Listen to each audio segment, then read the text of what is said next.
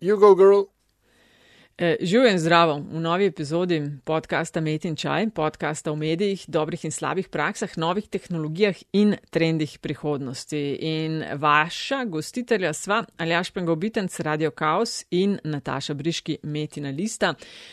Komentarji in predlogi, hvala rečem takoj na začetku, dobrodošli pa tudi na infoafnametinalista.si, poleg uh, Twitter naslovo, kjer naj jo dobite, afna pengovski, afna DC43 in pa ključnik metinčaj.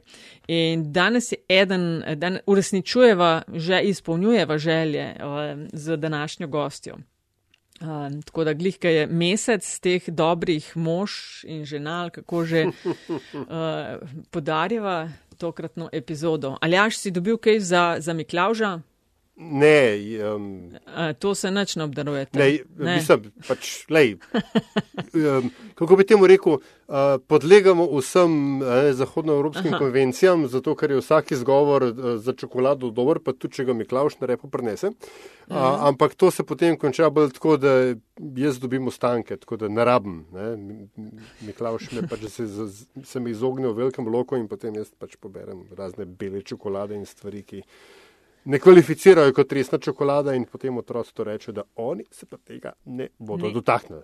A, ok, ja. belo čokolado tudi jaz puščam, če ženo. Um, no, sej, pa tudi pol, ej, pol te ameriške vse pa. pa um, kaj je že Thanksgiving, pa Črni petek, pa Witch Hunt ali kaj je že konec. Ja, Halloween, ja, ne, Halloween je ta velika stvar. No, to, to je res, to, to so stresi, veš, a bo kostum ali ne bo, a bo šla ulica delati trikrat trit itd. Pa je seveda tukaj še pust, ne, ker pač Luksemburg je tako uspešno na um, uh, preseku kulturne, da se pusti kle en teden traja, en mesec, skozi ja. kot noro, mislim. A. En mesec. Ja, lej, ti boš enkrat prišla na obisk, pa ti bom vse to razložil. A ne, a bom. ne, wink, wink, bom, nudge, bom. Nudge, Ej, ugla, jaz ti ful želim, da za uh, božič, za božične novoletne praznike ne dobiš kakšne čokolade z rozinami. Evo, to je moj wish za te. Kako si ti prijazna? Ne? A, ne, ne. Ja. Um, lej, danes imamo tudi spet zelo zanimivo epizodo. Um, Kaja Širok, doktorica Kaja Širok, se pravi, pogovarjali se bomo o e, zelo seksi zadevah, muzej, zgodovine e, in tako dalje. Kaja živijo? Čau, lepo zdrav vsem.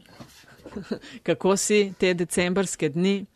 Uh, super, uh, sem na Goriškem, kjer se seveda ne vidi beline snega, kar je za nas primorce uh, optimalno razmerje za uživanje decembra. Uh, da... Ok, pol si tako, kot Ervin Hladnik Milharčič, ki pravi, da za njega je uh, naj zima, ali kako je že rekel, je zima v Egiptu tista zima, ki njemu šteje kot zima. se pravi, brez snega in prehudo nizkih temperatur.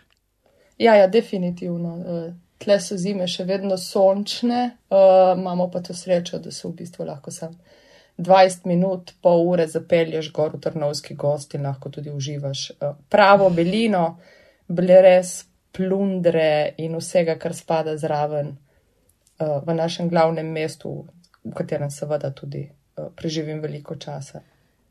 Ej, e, zelo sva vesela, da si se nama pridružila. Začnemo pa čist po ustaljenem ritmu vsakega gosta oziroma gostjo. E, takoj uvodoma v narekovaju napadeva, da se mal predstavi. Se pravi, če ti lahko tako v ene par stavkih poveš, kaj si počela, kaj počneš v življenju, za tiste, ki mogoče ne vejo čist najbolj, e, s čim se ukvarjaš. Uh, na kratko, Kaja Širok, ljubiteljica bele čokolade izjemno. Oh, yes, yes. yes. Uh, ko sem grampi in sitna, samo belo čokolado pod nosom, bom najsrečnejša in prijazna. Uh, drugači uh, zgodovinarka, uh, tudi italijanistka, um, po duši in srcu muzealka, uh, to že kar nekaj časa. Um, težko se na kratko v bistvu definiram, kaj vse sem in oziroma kaj počnem, ker se to uh, sploh v zadnjem letu kar veliko spremenja. Ampak v osnovi ostajam uh, zelo prisotna na področju kulture, muzejev, uh, zgodovine, predavanja, pisanja. pa še kaj drugega se najde zraven. V zadnjem času um, kuratorka na Evropski prestolnici kulture Nova Gorica, Gorica 2025, kuratorka za področje trga Evrope, Transalpine, kjer postavljamo nov kulturni distrikt, ki se bo odprl leta 2025. Evo na kratko. Ja, na kratko si zamočala, da si bila tako rekoč do včeraj direktorica Muzeja novejše zgodovine. Ali sem jaz preslišala to? To tako mal, ne? se nič ne hvališ s tem, ali kako? Tako, do uh, še letos direktorica Muzeja novejše zgodovine Slovenije, še vedno uh, predsednica uh, slovenskega odseka mednarodnega društva ICOM Slovenija, torej te mednarodne mreže muzejev kjer sem tudi zelo aktivna v komisiji, ki piše muzejsko uh, etiko dela, tako, ta kodeks etike muzejske. Uh, drugače tudi članica akademskega sveta Hiše Evropske zgodovine v Bruslu. Totalno super, ta istočnica ali še ja. zate, k narisana. Za, za najo, ne, ker je bila hiša Evropske zgodovine, sej, če se prav spomnim, druga epizoda Evropske četrtine, ever v zgodovini. Tako da, um, In sem ravno to, no, ravno s hišo evropske zgodovine, sem eh, hotel kakšno paralelo potegniti, ker kaj ja, se mi zdi, da imamo v Sloveniji, pa me boš seveda popravljal, ker to je zgolj moje lajčno in, in opažanje človeka, ki zelo redko zaide v muzej, mm, da imamo tako dolgotrajno debato o tem, kakšna je vloga muzejev, kaj ne bi sploh muzeji, sploh muzeji o, o nas, o družbi, ne, ne, ne naravoslovni muzeji, kaj ne bi sporočali. Ali, in, in da obstaja nek um, sev ljudi, da jim tako rečem, ki muzeje vidijo kot orodje za vsakokratno interpretacijo zgodovine skladno z pr, nekim svetovnim nazorom ali pa dnevno politiko. No, Se bom kar strinjala, ampak ne bom do konca potrdila, ker namreč um, v zadnjih desetih, recimo razširmo dvajsetih letih, so se muzeji na različnih koncih sveta uh, zelo spremenili. Ne? Če smo pač prej imeli neke hiše, ki so jih ljudje razumeli kot statične prostore preteklosti, um, je že desetletje nazaj pričel ta novi val participativnih, udejstvovalnih uh, muzejev. To je cela, cel trend, ki uh, sledi točno določeni metodologiji dela in predstavljanju muzejev in iz katerega se je razvilo tudi gibanje um, No Neutral Museum, torej muzeji niso neutralni.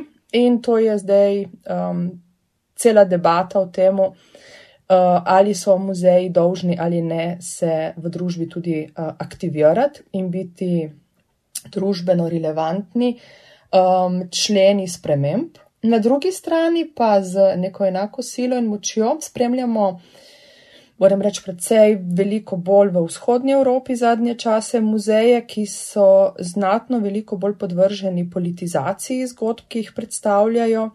In so uh, ravno nasprotno tega, kar je ta prvi trend, o katerem sem govorila. Gre za zelo osko usmerjene pripovedi, ki v resnici potrjujejo točno določene interpretacije, predvsem o preteklosti, z namenom, da se uči o sedanjosti družbe in kjer je namen uh, žal prej ločevati, kot pa postavljati relevantna vprašanja, preko katerih lahko ljudje aktivno sooblikujejo muzeje in tudi družbo. To je kar, um, zdaj, muzej novejše zgodovine predstavlja zgodovino od začetka 20. stoletja do danes, ne? se pravi 100 dobrih 100 let. Ne? Tako, ja. In če te prav razumem, na Zahodu grejo v smer odpiranja in predstavljanja različnih interpretacij, ob katerih si obiskovalec oziroma obiskovalka naj ustvari svoje mnenje. V vzhodnji Evropi, če se omejimo na, na Evropo, pa gre za tist, ki ima na čelu eh, svojega človeka, oblikuje zgodovino po pač podobi, kakršna ideološko se upada z njihovo usmeritvijo. V osnovi je malce bolj zakomplicirano, ker ne bi recimo delila črno-belo, desno-levo, vzhod-zahod. Eh, čeprav, kot sem rekla, je porast eh, v vzhodnji Evropi tega tipa politizacije muzeja. Zdaj, na prvo vprašanje, ki si ga moramo dati, je seveda, kak tip muzeja je. Um, nima Zahod toliko tradicije zgodovinskih muzejev, kolikor ga ima vzhod. Ne? To je treba recimo najprej poudariti. Ne? Veliko več spremljamo arheološke muzeje, arheološke parke, galerije, moderne galerije. Uh, ta tipičen primer zgodovinskega muzeja je mogoče v veliki večini evropskih držav vezan na prvo ali drugo svetovno vojno, veliko manj pa na pregled družbe in življenja recimo v zadnjih stotih letih. Muzej novejše zgodovine izhaja iz muzeja NOB, iz tradicije muzejev revolucije in NOB-ja, ki so bili po celi Jugoslaviji po koncu druge svetovne vojne um, prisotni dobesedno v vsakem malem mestu, še celo uh, muzeji, spominske hiše ali zbirke so imeli sobe posvečene enobeju. In vsako glavno uh, mesto republike je imelo muzej revolucije. Ne. Meni se recimo pri preučevanju tega tipa preteklosti, se mi je zdelo vedno zanimivo, kaj se je s temi muzeji zgodilo po razpadu uh, Jugoslavije. Ne. In naprimer, uh, na Hrvaškem je popolnoma prenehal obstajati, dobesedno stopil se je z Narodnim muzejem in ga več ni. Eh, tudi teh naracij posledično več ni, niso prisotne v družbi.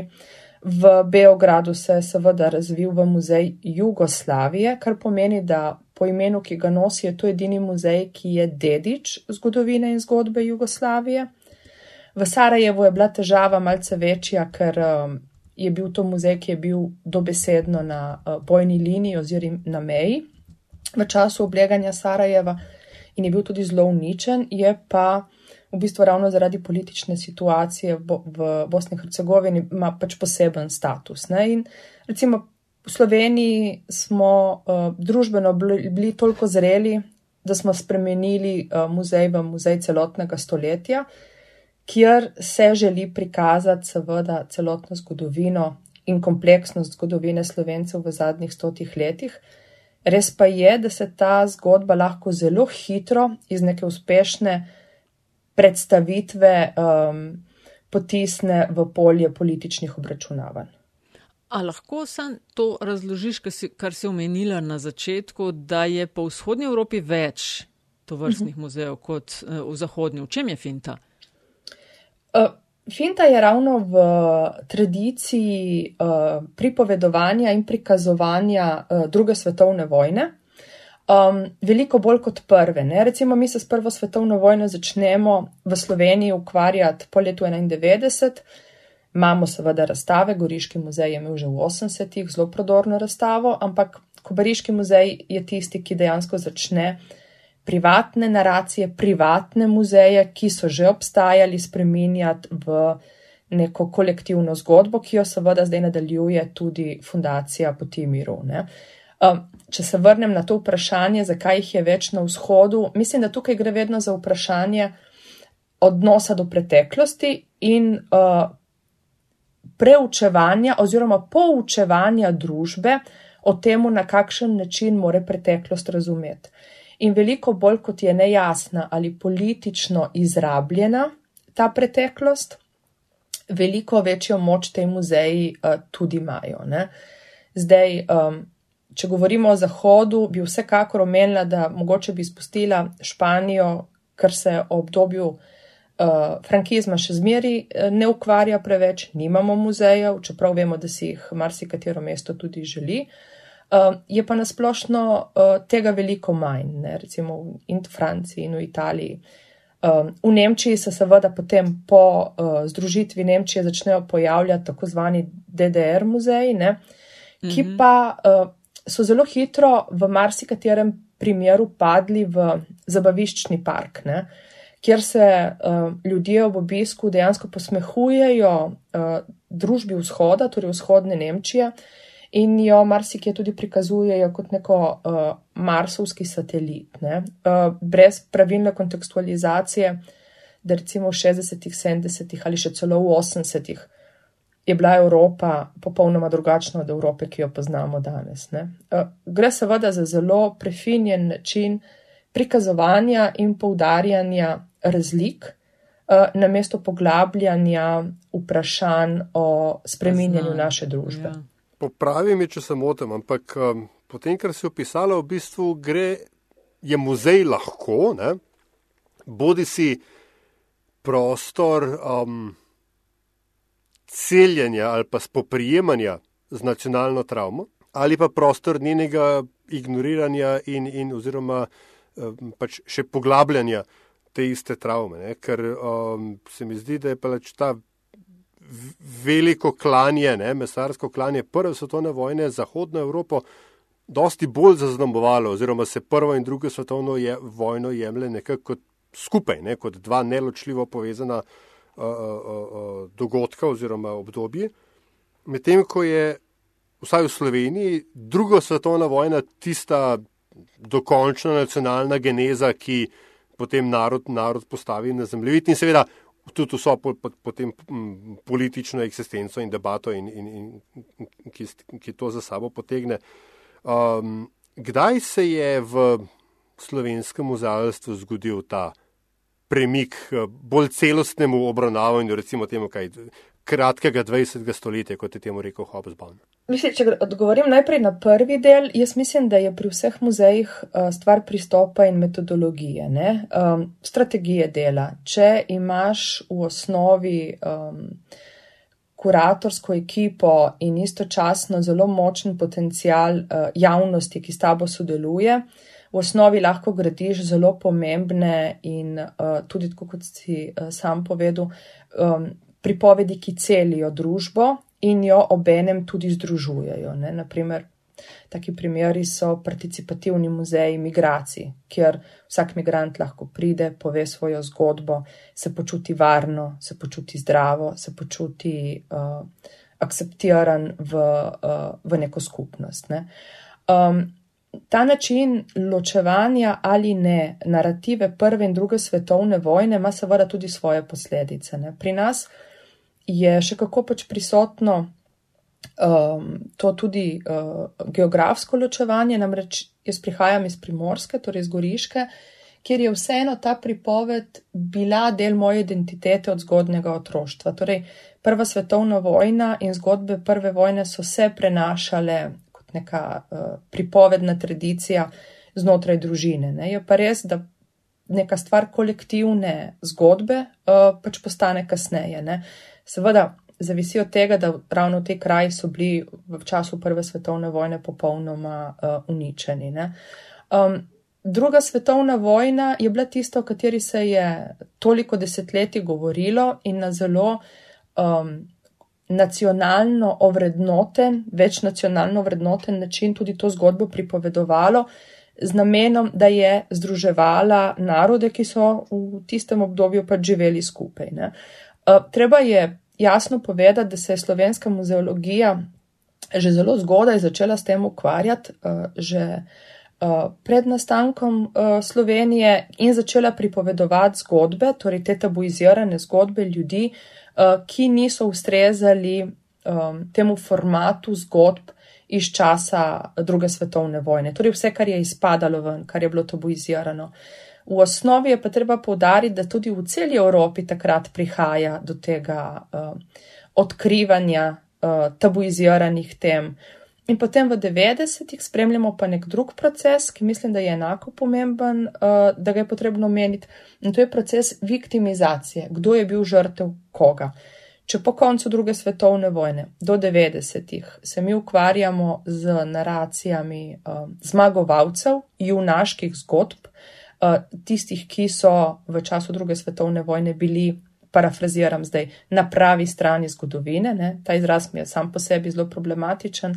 Uh, se kasneje v 90-ih to pre, preobrne v perspektivo, kdo je bil žrtev koga. Ne? In če se sam pogledamo, ne samo v ožjem smislu, uh, bivše države Jugoslavije, ampak tudi v širšem evropskem, vzhod začne na novo reinterpretirati samega sebe skozi optiko žrtve. In to potem se nadaljuje tudi v vzhodnji Evropi, naprimer uh, pri nas najbolj tak znan primer je, ko se vzpostavi eh, pred vstopom Slovenije v Evropsko unijo na italijanski strani dan spomina ne, na žrtve eh, Exodusa in takoj naslednje leto se v Sloveniji vzpostavi praznik eh, vrnitve primorske, ki seveda govori o, ravno na, o isti temi z nasprotne strani. Ne.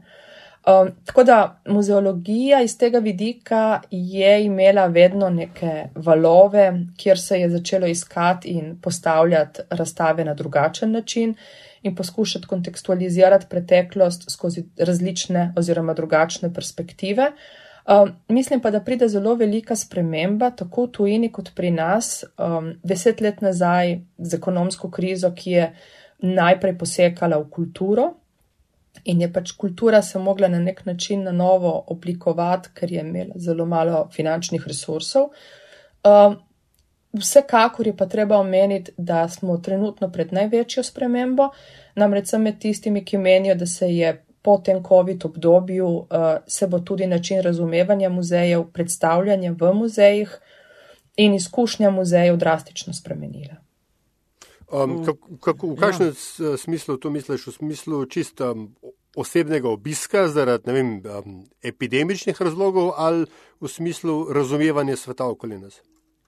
Oboje, uh, oziroma kar še več. Ne? Prva stvar uh, je digitalen svet, ki se v muzejih odpira in s tem, ko rečem digitalen, ne mislim na videoposnetke ali pa na digitaliziranje gradiva v muzejih, mislim tudi na to, da so se muzeji uh, veliko bolj hitro premaknili na splet in začeli tudi na spletu graditi virtualne muzeje, za katere je treba seveda tudi uh, plačevati uh, vstopnino, čeprav je virtualna. Z drugega vidika pa ne smemo pozabiti, da smo bili priča še recimo do treh let nazaj ogromnim uh, blockbuster uh, uh, razstavah, recimo zadnja taka je bil Leonardo da Vinci v Louvru, kjer tudi, če si imel karto in si bil naročen, si mogel čakati vrsto in kjer si dejansko po vstopnini plačal ponovno vstopnino in še eno vstopnino, če si hotel še virtualno te stvari uh, pogledati. Tako da mislim, da je čas blockbuster razstav uh, minil, vsaj za enkrat. Um, ker verjetno muzej še nekaj časa ne bodo spuščali velike količine ljudi, tako kot so se prej uh, drenjali pred nekaterimi uh, slikami. Se je pa seveda mogoče v Sloveniji toliko manj, ker so muzeji uh, državne inštitucije v veliki večini. Uh, se je spremenila tudi recimo ta, um, to mapiranje ali karta muzejev po svetu. Ne? Namreč zaprlo je marca 2020 94% muzejev po celem svetu. In jasno je bilo že isto leto, da jih um, kar mislim, da je bilo 3 do 4 odstotke, jih ravno v tistem letu nikoli več ni odprlo, kaj šele kasneje. Po, po eni strani, no če aljaš ti deliš to mnenje, se mi zdi to um, slabo, ker grem rada v muzej, rada vidim, koliko je kakšna stvar zgledala v živo, koliko velik je bil avto, ne vem, kakšni spomeniki, karkoli. Po drugi pa sploh ne toliko slabo, primerjavo vlečem z recimo zadnjim uh, Ljubljanskim filmskim festivalom, ko smo bili navajeni, ne vem, prej v točno ob točno določenem terminu, um, omejeno število kart in je v točno določeno dvorano, problemi s parkingi, zdaj pa so bile tudi določene predstave na voljo eh, online. Pa se mi je zdelo to kar ok, ne vem, kaj. kaj ne vem, se... evo, recimo, da je, bi, bi, pa je to tudi izziv uh, za najno gostjo. Jaz se pa bojim, da bi tukaj lahko prišlo do, rečem, socialne stratifikacije. A veš, da bojo v muzej, fizično muzej, lahko samo šli samo še tisti, ki se bodo to lahko prvošili, za rajo, je pa tam le internet, pa virtualna očala. Se drugač, karte so bile, veš, za life. ne, ne, razumem, ne, pusti life, ampak veš, recimo to, ja, no, to kar, je, kar, kar, kar je Kaja prej omenila. Jaz sem slučajno uh, videl ne, ta, to zgodbo z Da Vincijem v Louvru, ker smo ta grih takrat hoteli obiskati Louvre kot sicer. Ne, in je, uh, lej, tako, dejansko si, si moral imeti čas in čas in sredstva, da si do te karte prišel na kvot in kvot navadni ljudje nimajo predvsem časa ne, in bolj kot bojo, če bi te, te razstave, te vstopnice postale dražje, kmalo tudi sredstva ne bojo imeli. Kaj, a obstaja ta nevarnost, ali zdaj samo kle nekaj mal psihologiziram za brezveze? Um, vedno obstaja ta nevarnost, oziroma mislim, da smo že zdavnaj zakorakali v to, da so recimo ljudem, ki si to lahko privoščijo v muzeji, dostopni na drugačen način, veliko bolj prijazen, v veliko manjših skupinah. Um, poznamo zgodbe recimo iz Meta, kjer si lahko, um, če financirate Met, lahko tudi privoščite v tisti sobi, ki je vam pogodu privatno večerjo z vašimi najljubšimi. Torej, muzeji na nek način, predvsem muzeji, ki so na trgu, so del um, trga in poskušajo biti konkurenčni in poskušajo dejansko pridobiti čim več sredstev. Um, plus v vsej tej zgodbi je ta, da so, kot sem že rekla, muzeji v Sloveniji še vedno uh, državni, gre za državni pomen, gre za nacionalno um, dediščino in v tem smislu uh, si upam trditi, da tako daleč in tako ekstremno mi nikoli ne bomo prišli. Pri nas imamo prej, bi rekla, drugačen problem in to je, da postanejo muzeji zanimivi in aktualni za ljudi ravno v dneh, ko se je potrebno drenjati, ne recimo 8. februar ali poletna muzejska noč. Um, takrat se dobesedno skoraj da tekmuje po Ljubljani, koliko muzejev uh, boš obiskal. Ne? Je pa zanimivo mhm. vedeti, da imajo vsi muzeji najmanj enkrat na mesec prost vstop. Um, in ljudje to recimo zelo slabo izkoriščajo. Mislim, da so muzeji pri nas mogoče... zelo povej. Ja, ne, ker si to omenila, je mogoče finta v tem, da muzeji to ne znajo dovolj glasno ali pa dobro komunicirati, da je enkrat na mesec za ston.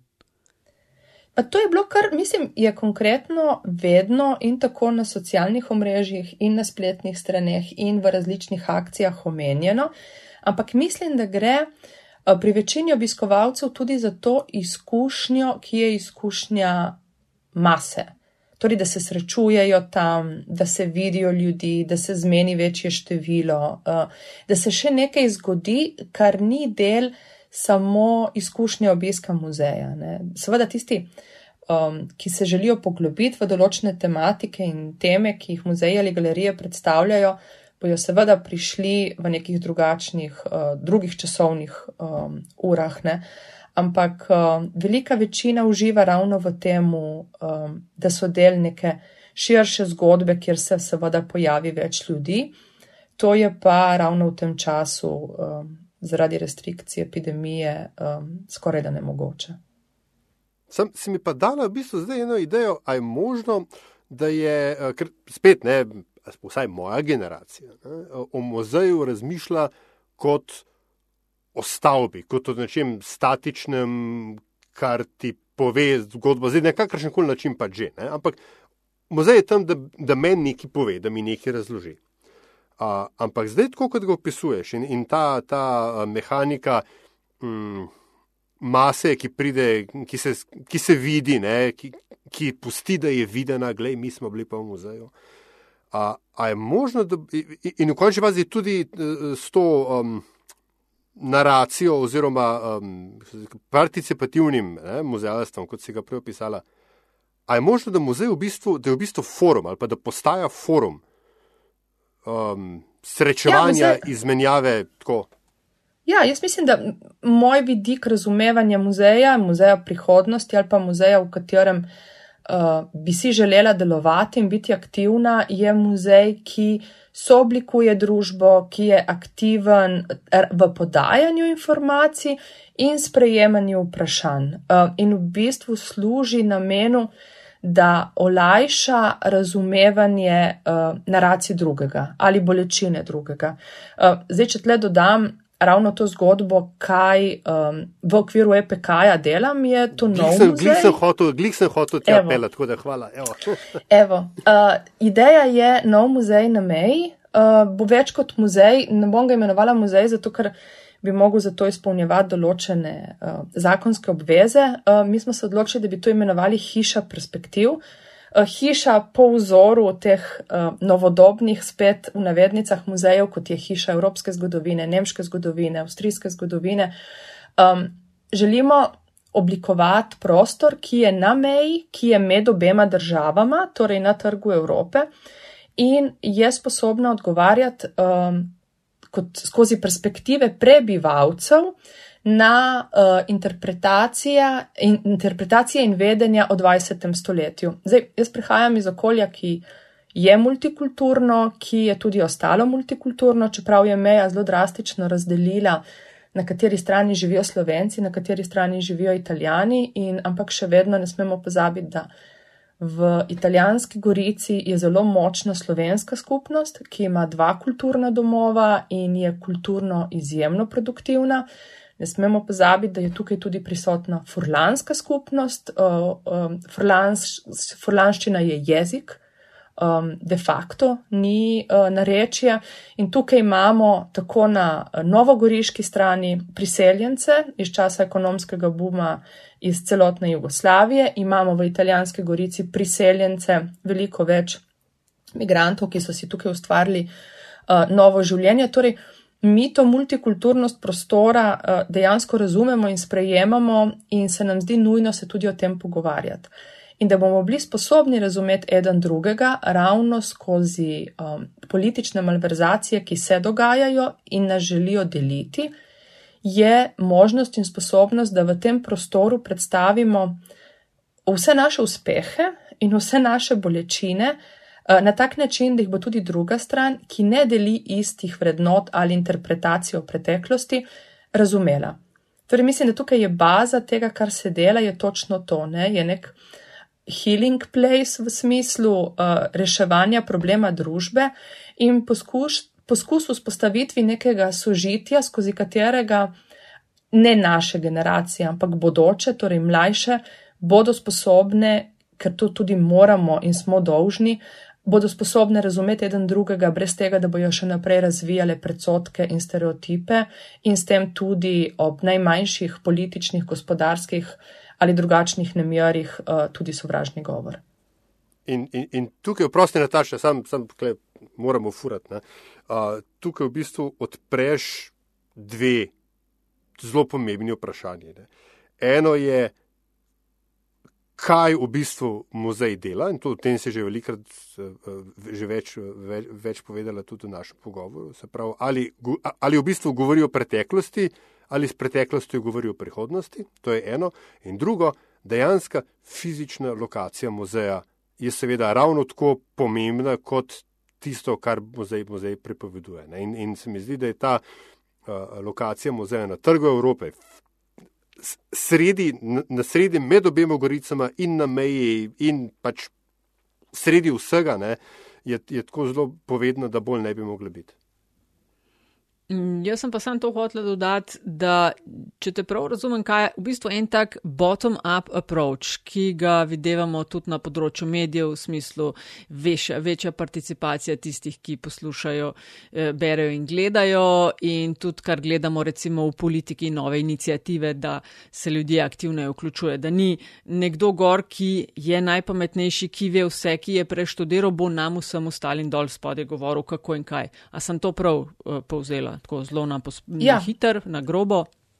Točno Ampak... tako. Jaz mislim, da je tudi vloga uh, kustosa v muzeju ta, ne? Um, čeprav si ti tisti, ki skrbi za zbirke, tisti, ki ima čez predmete, ne na zadnje si imaš tudi to moč, da si tisti, ki zbira, kjeri predmeti bojo večno ostali v depoju in kjeri bodo večno stali na stalni razstavi v muzeju in tudi kako jih boš interpretiral in kontekstualiziral sredi razstave. To je za me vse zelo subjektivno dejanje in uh, jaz stojim za to trditvijo, da se je potrebno najprej te subjektivnosti um, zavedati in v drugi fazi, ravno zaradi tega zavedanja, poskušanje, da se to čim prej tudi um, objektivizira skozi zgodbe drugih. Ne? Torej, ni moja interpretacija tista, ki je tukaj merodajna, jaz lahko naštudiram uh, vire, uh, lahko povem, kaj se je dejansko v nekem dogodku zgodilo, skozi vire, ki jih imam, ne vem, arhivske, fotografske, ampak mislim, da je žmoht tega, eh, kar lahko muzej povedo, ravno ta, da prisluhnemo ljudem, ki so ali bili prisotni in so skozi svoje spomine udejanili uh, te zgodbe, ne? zdaj spet tle je treba dati en klicaj. Tudi te zgodbe so subjektivne, ne? ampak mogoče so zanimive ravno zaradi tega, ker se časovno spreminjajo. Um, bom dala en tak primer, zdaj mal skačem, ampak če se spomnite dogodkov ob slovenski samosvojitvi leta 91, jih bo ista skupina ljudi, ki je prisostvovala istemu dogodku 30 let kasneje, popolnoma drugače interpretirala. In je vprašanje, kako je to mogoče. Seveda je, ne? ker je pač naš spomin tako variabilen in se tudi podreja, čemu smo že govorili, uh, medijskim uh, naracijam, političnim naracijam in našim vrednostnim sistemom.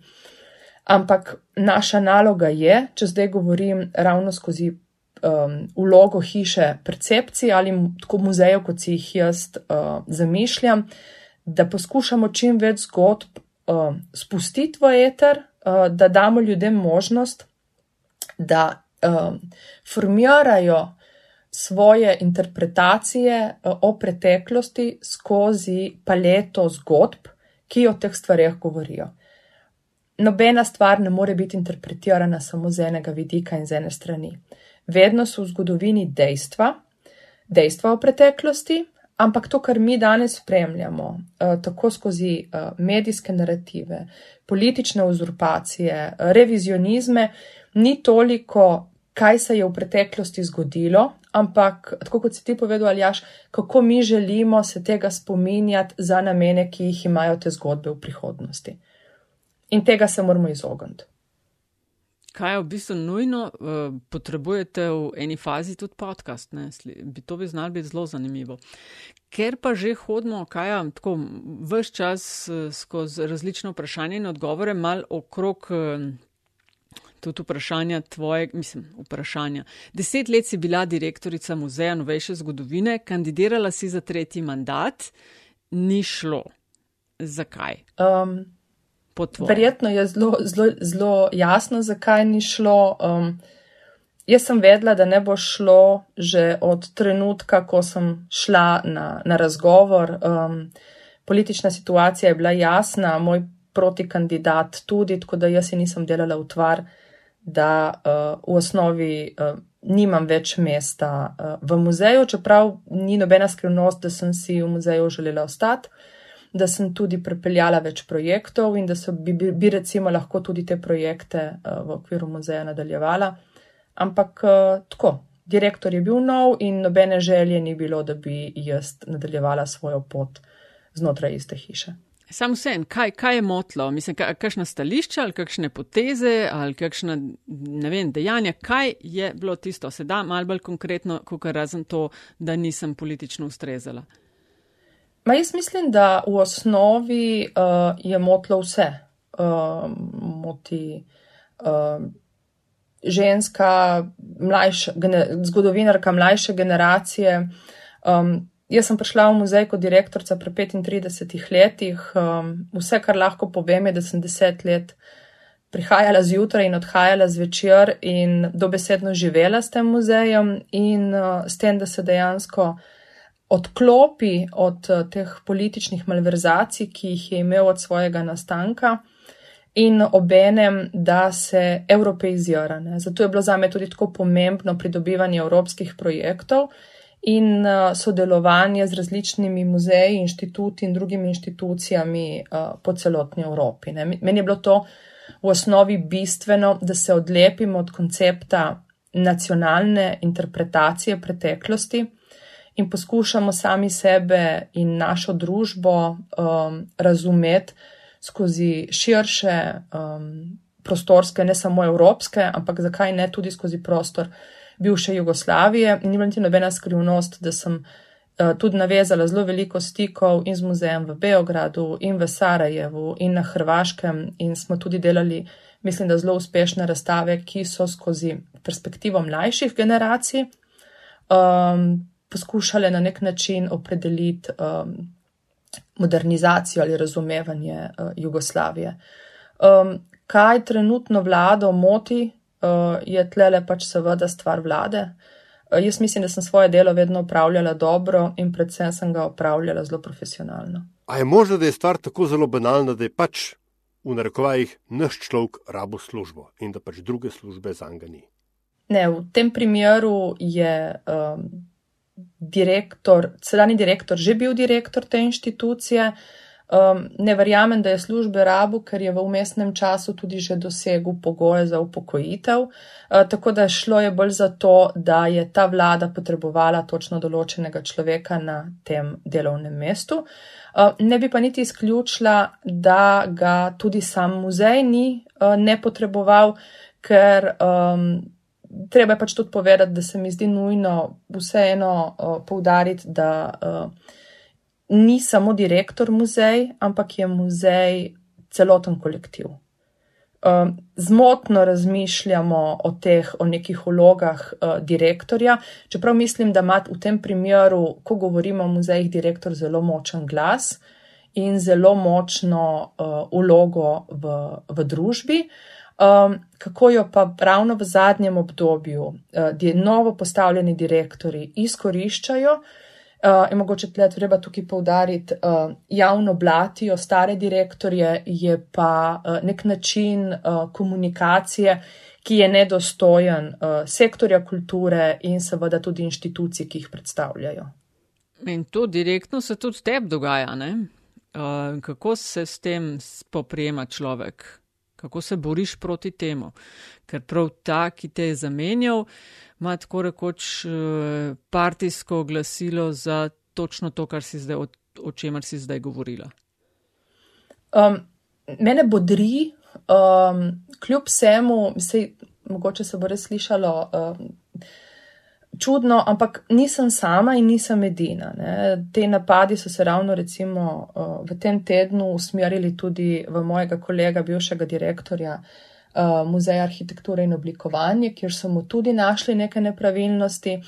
In seveda se postavljajo redno tudi napram uh, bivši direktorci Moderne, ki je tudi exemplarno vodila to hišo um, kar veliko časa um, in tako naprej. Ne? Mislim, uh, tle se pač treba vprašati veliko več o ljudeh, ki to pišejo, kot o teh, o katerih se piše. In predvsem mislim, da je tukaj zelo pomembno razumeti, s kakšnim namenom. Ne? Ta diskreditacija in blatenje ni stvar uh, nekih realnih potreb, oziroma da se res pokaže, da je bilo karkoli narobe, ker narobe v resnici ni bilo nič in gre za uh, en kup laži. Uh, ampak jaz mislim, da ni ne kraj, ne čas, uh, ne prostor, predvsem teh glasil tisti, v katerem bi jaz uh, v tem trenutku potrebovala uh, pripovedovati svoje resnice. Ne? Zdaj svoje je spet dajem v navednice, uh, ker nimam ničesar za skriti in ker mislim, da tudi, uh, če je karkoli narobe, naj se pokliče revizije, uh, naj se uh, pregleda vse dokumente, vse račune. Jaz tle nimam nobenih težav. Ali nova oblast v muzejih v bistvu komunicira predvsem z pač politično oblastjo, zdaj ponovem, ne več z, z, z ljudstvom, z obiskovalci. To je kar zanimivo vprašanje. Jaz uh, se spomnim, ko sem bila podobno vprašana, mislim, da prvi mesec potem, ko sem šla iz muzeja, um, um, sem vseeno rekla, da dajmo jim pustiti čas. Uh, vsak, uh, še ko dobimo novo vlado, jim pustimo ne? čas, se ne ukvarjamo z njo imamo te, ta čarobnih uh, 100 dni, ki, ko pustimo vse na miru. Um, tukaj bi rekla enako. Ne? Zdelo se mi je zelo fair, um, da se pač ljudem da možnost in se tudi pusti in vidi, kaj se bo zgodilo. In zdaj smo recimo konc decembra. V veliki večini inštitucij je direktor že eno leto in uh, mislim, da ni potrebno, da jaz kakorkoli dodatno komentiram situacije, ker se te situacije komentirajo same. Um, In problem je, mislim, da zelo velik in nezadovoljstvo v posameznih kolektivih toliko večje. Ampak tle bi pa opozorila še na en drugi uh, fenomen, ki sem ga v bistvu do, veliko bolje spoznala ravno v letošnjem letu in mi priznam, um, kot um, otroka 80-ih, 90-ih let, ki je takrat odraščal, ni bil tako blizu. In to je pojav konformizma. Ta konformizem je tudi tisti, ki vse te ljudi, ki so bili na novo imenovani in ki v veliki večini nimajo niti izkušenj za voditi tako pomembne zavode, pa s tem ne govorim samo o muzejih, uh, ki jim dejansko dovoli obstanek. Ne? Konformizem zaposlenih je tisti, ki v osnovi uh, veliko krat daje možnost, da bojo te ljudje tudi na teh mestih ostalih in um, zakaj ne povedati, uh, marsikje tudi naredili nepopravljivo škodo. Ampak ja, če odgovorim na kratko, razlika se vidi. Zelo in zelo malo se komunicira z občinstvom. Um, kaj, kaj se stavlja tvojo medijsko dieto? Ha. Kaj to nekdo, je zdaj. Ki je tako zelo upet v vse, kar se tiče muzejev in tudi na evropski sceni, skratka izven uh, naših meja, ne, mal širši pogledi, kaj en tak človek, kaj ti uh, prebiraš, gledaš, bereš, poslušaš. Um, tako, dnevno, um, recimo na netu pregledam vse časopise, ker me vseeno zanima, ampak to čisto uh, profesionalno, raziskovalno me je vedno fasciniralo, kako se isti dogodki znajo uh, različno interpretirati. Ne. V zadnjem letu, seveda, ravno v poplavi. Um, no, tako zvanih novih medijev ali njihovemu sponu, uh, je ravno ta moja vaja postala toliko bolj zanimiva, ker ugotavljam, kako lahko ena in ista tema v različnih medijih uh, vzpostavi popolnoma različne uh, naracije. Če pa govorimo o branjih, ki recimo mene navdihujejo, še vedno najraje berem internacionale, Eh, tukaj se vidi pač to moja druga vplivna pot uh, italijanskih uh, medijev, ki jih pač tudi spremljam že celo življenje. Internacionale je revija, ki izhaja tedensko in zbira najboljše uh, članke, ki so pač potem prevedeni v italijanski jezik po njihovem izboru. In tako da na tak način pač preideš do nekega nabora uh, širših člankov, ki se ukvarjajo z različnimi tematikami. Seveda sledim. Um, tudi našim medijem, priznam pa, da imam uh, v moji dieti zelo malo želodca za, um, za vse, kar se dela in piše pod nivojem dostojnega. Ja, zdaj, kaj je to dostojno? Je? ja, a ne. Um, Različne imamo klele, pragove. Um, zdaj, recimo, vse, kar se je pisalo o meni, je bilo nedostojno. Uh, ne, zdaj se hecam, ampak uh, rekla bi, nedostojno je tisto, kar človeka žali in ponižuje, uh, brez kakršne koli uh, dodatne dvojne um, preverbe virov in kjer v resnici se članki pišajo samo z namenom, da se človeka uh, očrni in se vzpostavi nek nivo, uh, kjer se seveda nobeden ne sprašuje potem o dodatnih informacijah. Zdaj, na kratko, uh, nekje vmes meseca se pojavlja moja slika v Dubaju, kako na državne stroške uh, jem in pijem dobro. Um, seveda ta medij je znan po temu, da rad uh, ne polemizira, ampak samo ljud, ljudem meče kosti. Uh, nobeden se pa v resnici potem ne sprašuje, kaj je res in kaj ni. Uh, v tem primeru ni bilo nič od tega res. Uh, jaz na državne stroške od januarja, ko sem končala delati v muzeju, uh, nimam več nič z njimi, ampak hočem samo povedati kot primer, da to je ta način medijske komunikacije, ki nažalost pritegne um, veliko več ljudi kot resni poglobljeni članki, ki jih uh, novinari delajo na podlagi trikrat, štirikrat ali petkrat preverjenih dejstev. Ej, sem eno stvar, Aljaš, ker vem, da si pripravljen z novim vprašanjem, bi jaz tukaj dodala, da mislim, da je to odvedno tako bilo, uh, kaj ne, pač smo na hitro narejeni, vedno bomo rajš jedli pice, čipse, burgerje kot nekaj, kar, uh, a veš, uh, mogoče vzame dalj časa, je bolj zdravo gor dol. Uh, mislim, da je počasi čas, da začnemo nehat kar vsemu reči mediji. Ne? To, o čemer si ti zdaj govorila in objavljeno tam, seveda želijo, da o novinari mediji, to nima niti veze z novinarstvom, niti z mediji. To so objave v partijskih glasilih. Ampak zdaj predstavljaj si, ne, da bi tudi če bi ne. Ždelalo v državni trošak, ne, kar je pač všeč so mi take socialistične reminiscence skozi te resnične kvazi medije. Ne. JLA bi bila ponosna. Ne? Ampak predstavljaj si, da bi jedla slabo, razumeš? To meni jasno, veš, to, dobro je jedla. Ne? Napiš, da je slabo jedla, ne, ne, tako, anyway, gled, brez veze. A, a, hočem nekaj drugega, sem hotel vprašati. Um, ali slovenska slovenska novinarska srednja, ki pokriva kulturo in jo je veliko, -huh. Jo je še več, kadar nastopa kakšna Ana Netrebko, pa se kar nekaj vsi kulturni novinari in hočejo akreditacijo. Ne? Ampak tisti, ki se resno s tem ukvarjajo na dnevni osnovi, ali razumejo svoj posel.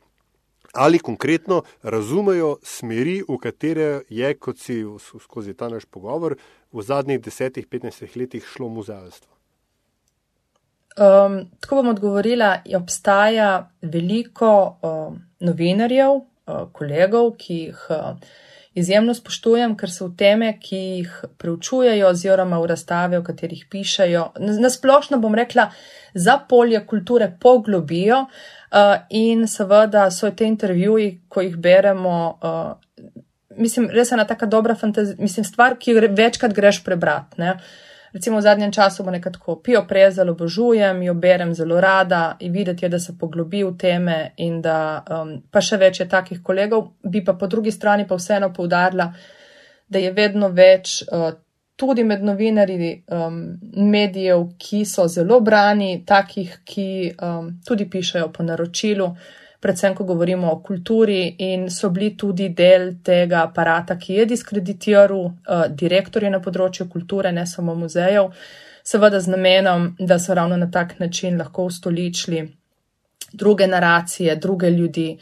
Um, to se recimo najbolj vidi na primerih, kako se piše o Jaku. Uh, mislim, da ni treba več besed kot samo to, na kakšen način se o tem piše, zelo jasno pove tudi, kdo je zadej in kakšni so uh, nameni. Počasi pri koncu, aljaš. Ja, s temi na tej optimistični podlagi zaključimo, ali si želel kaj? Ne, mogoče? ne, mislim, po mojem lahko, uh, da bo da kaj več o, o EPK 2025 še kdaj več povemo. Mogoče samo vprašanje, tako v grobem, ne, če smo že pri zgodbah in muzejih in forumih, kaj je zgodba, ki jo bo govorila Evropska prestolnica kulture 2025?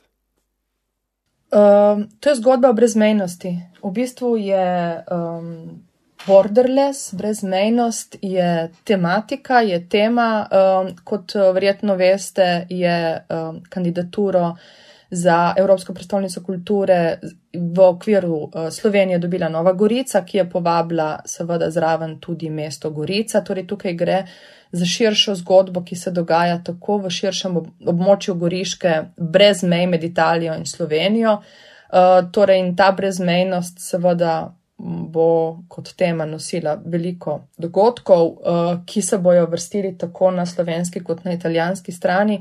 Bistvo vsega pa bo ravno preureditev, uh, nastanek novega kulturnega centra na območju Trga Evrope ali Transalpine, kjer seveda si želimo vzpostaviti bom rekla, spet participativni prostor, bo, kjer bojo dobrodošli in se dejansko lahko družili uh, prebivalci obeh mest. Nujno, aljaš, eh, evropska četrt na to temo, enkrat. Nujno, nujno. Kaj je zate pa še zadnje vprašanje in to je ponovadi, eh, da gosta oziroma gostjo pobarva, da z nama deli kakšno zanimivost, priporočilo, zgodbo, anegdoto, lahko je, lahko ne povezano s tvojo kariero, s tem, kar sicer počneš, tako čist eh, rubrika, ki je povsem v tvojih rokah. Izvoli.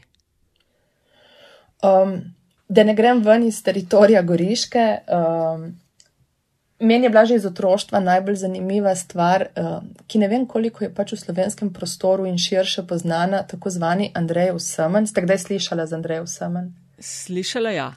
Ok. Uh, zadnji teden novembra, prvi teden decembra poteka, jaz mislim, da je že več kot 100 let, 150, nekaj takega, že Kosovel je pisal pesmi o tem, poteka v centru Gorice uh, sejem, Andrejev sejem, ki ga drugače imenujemo tudi karočke, karaočke, ringišpil. Um, od mojega otroštva naprej je bil to prostor, kamor so prihajali trgovci z stvarmi, ki so bile nevidene, recimo v 80-ih, 90-ih, naprimer kandirano sadje v stalažah, tako po ne vem, 50 metrov uh, stalaž kandiranega sadja. To smo hodili kot otroci gledati. No, bistvo te zgodbe je, da Andrej Osamen poteka ravno zdaj.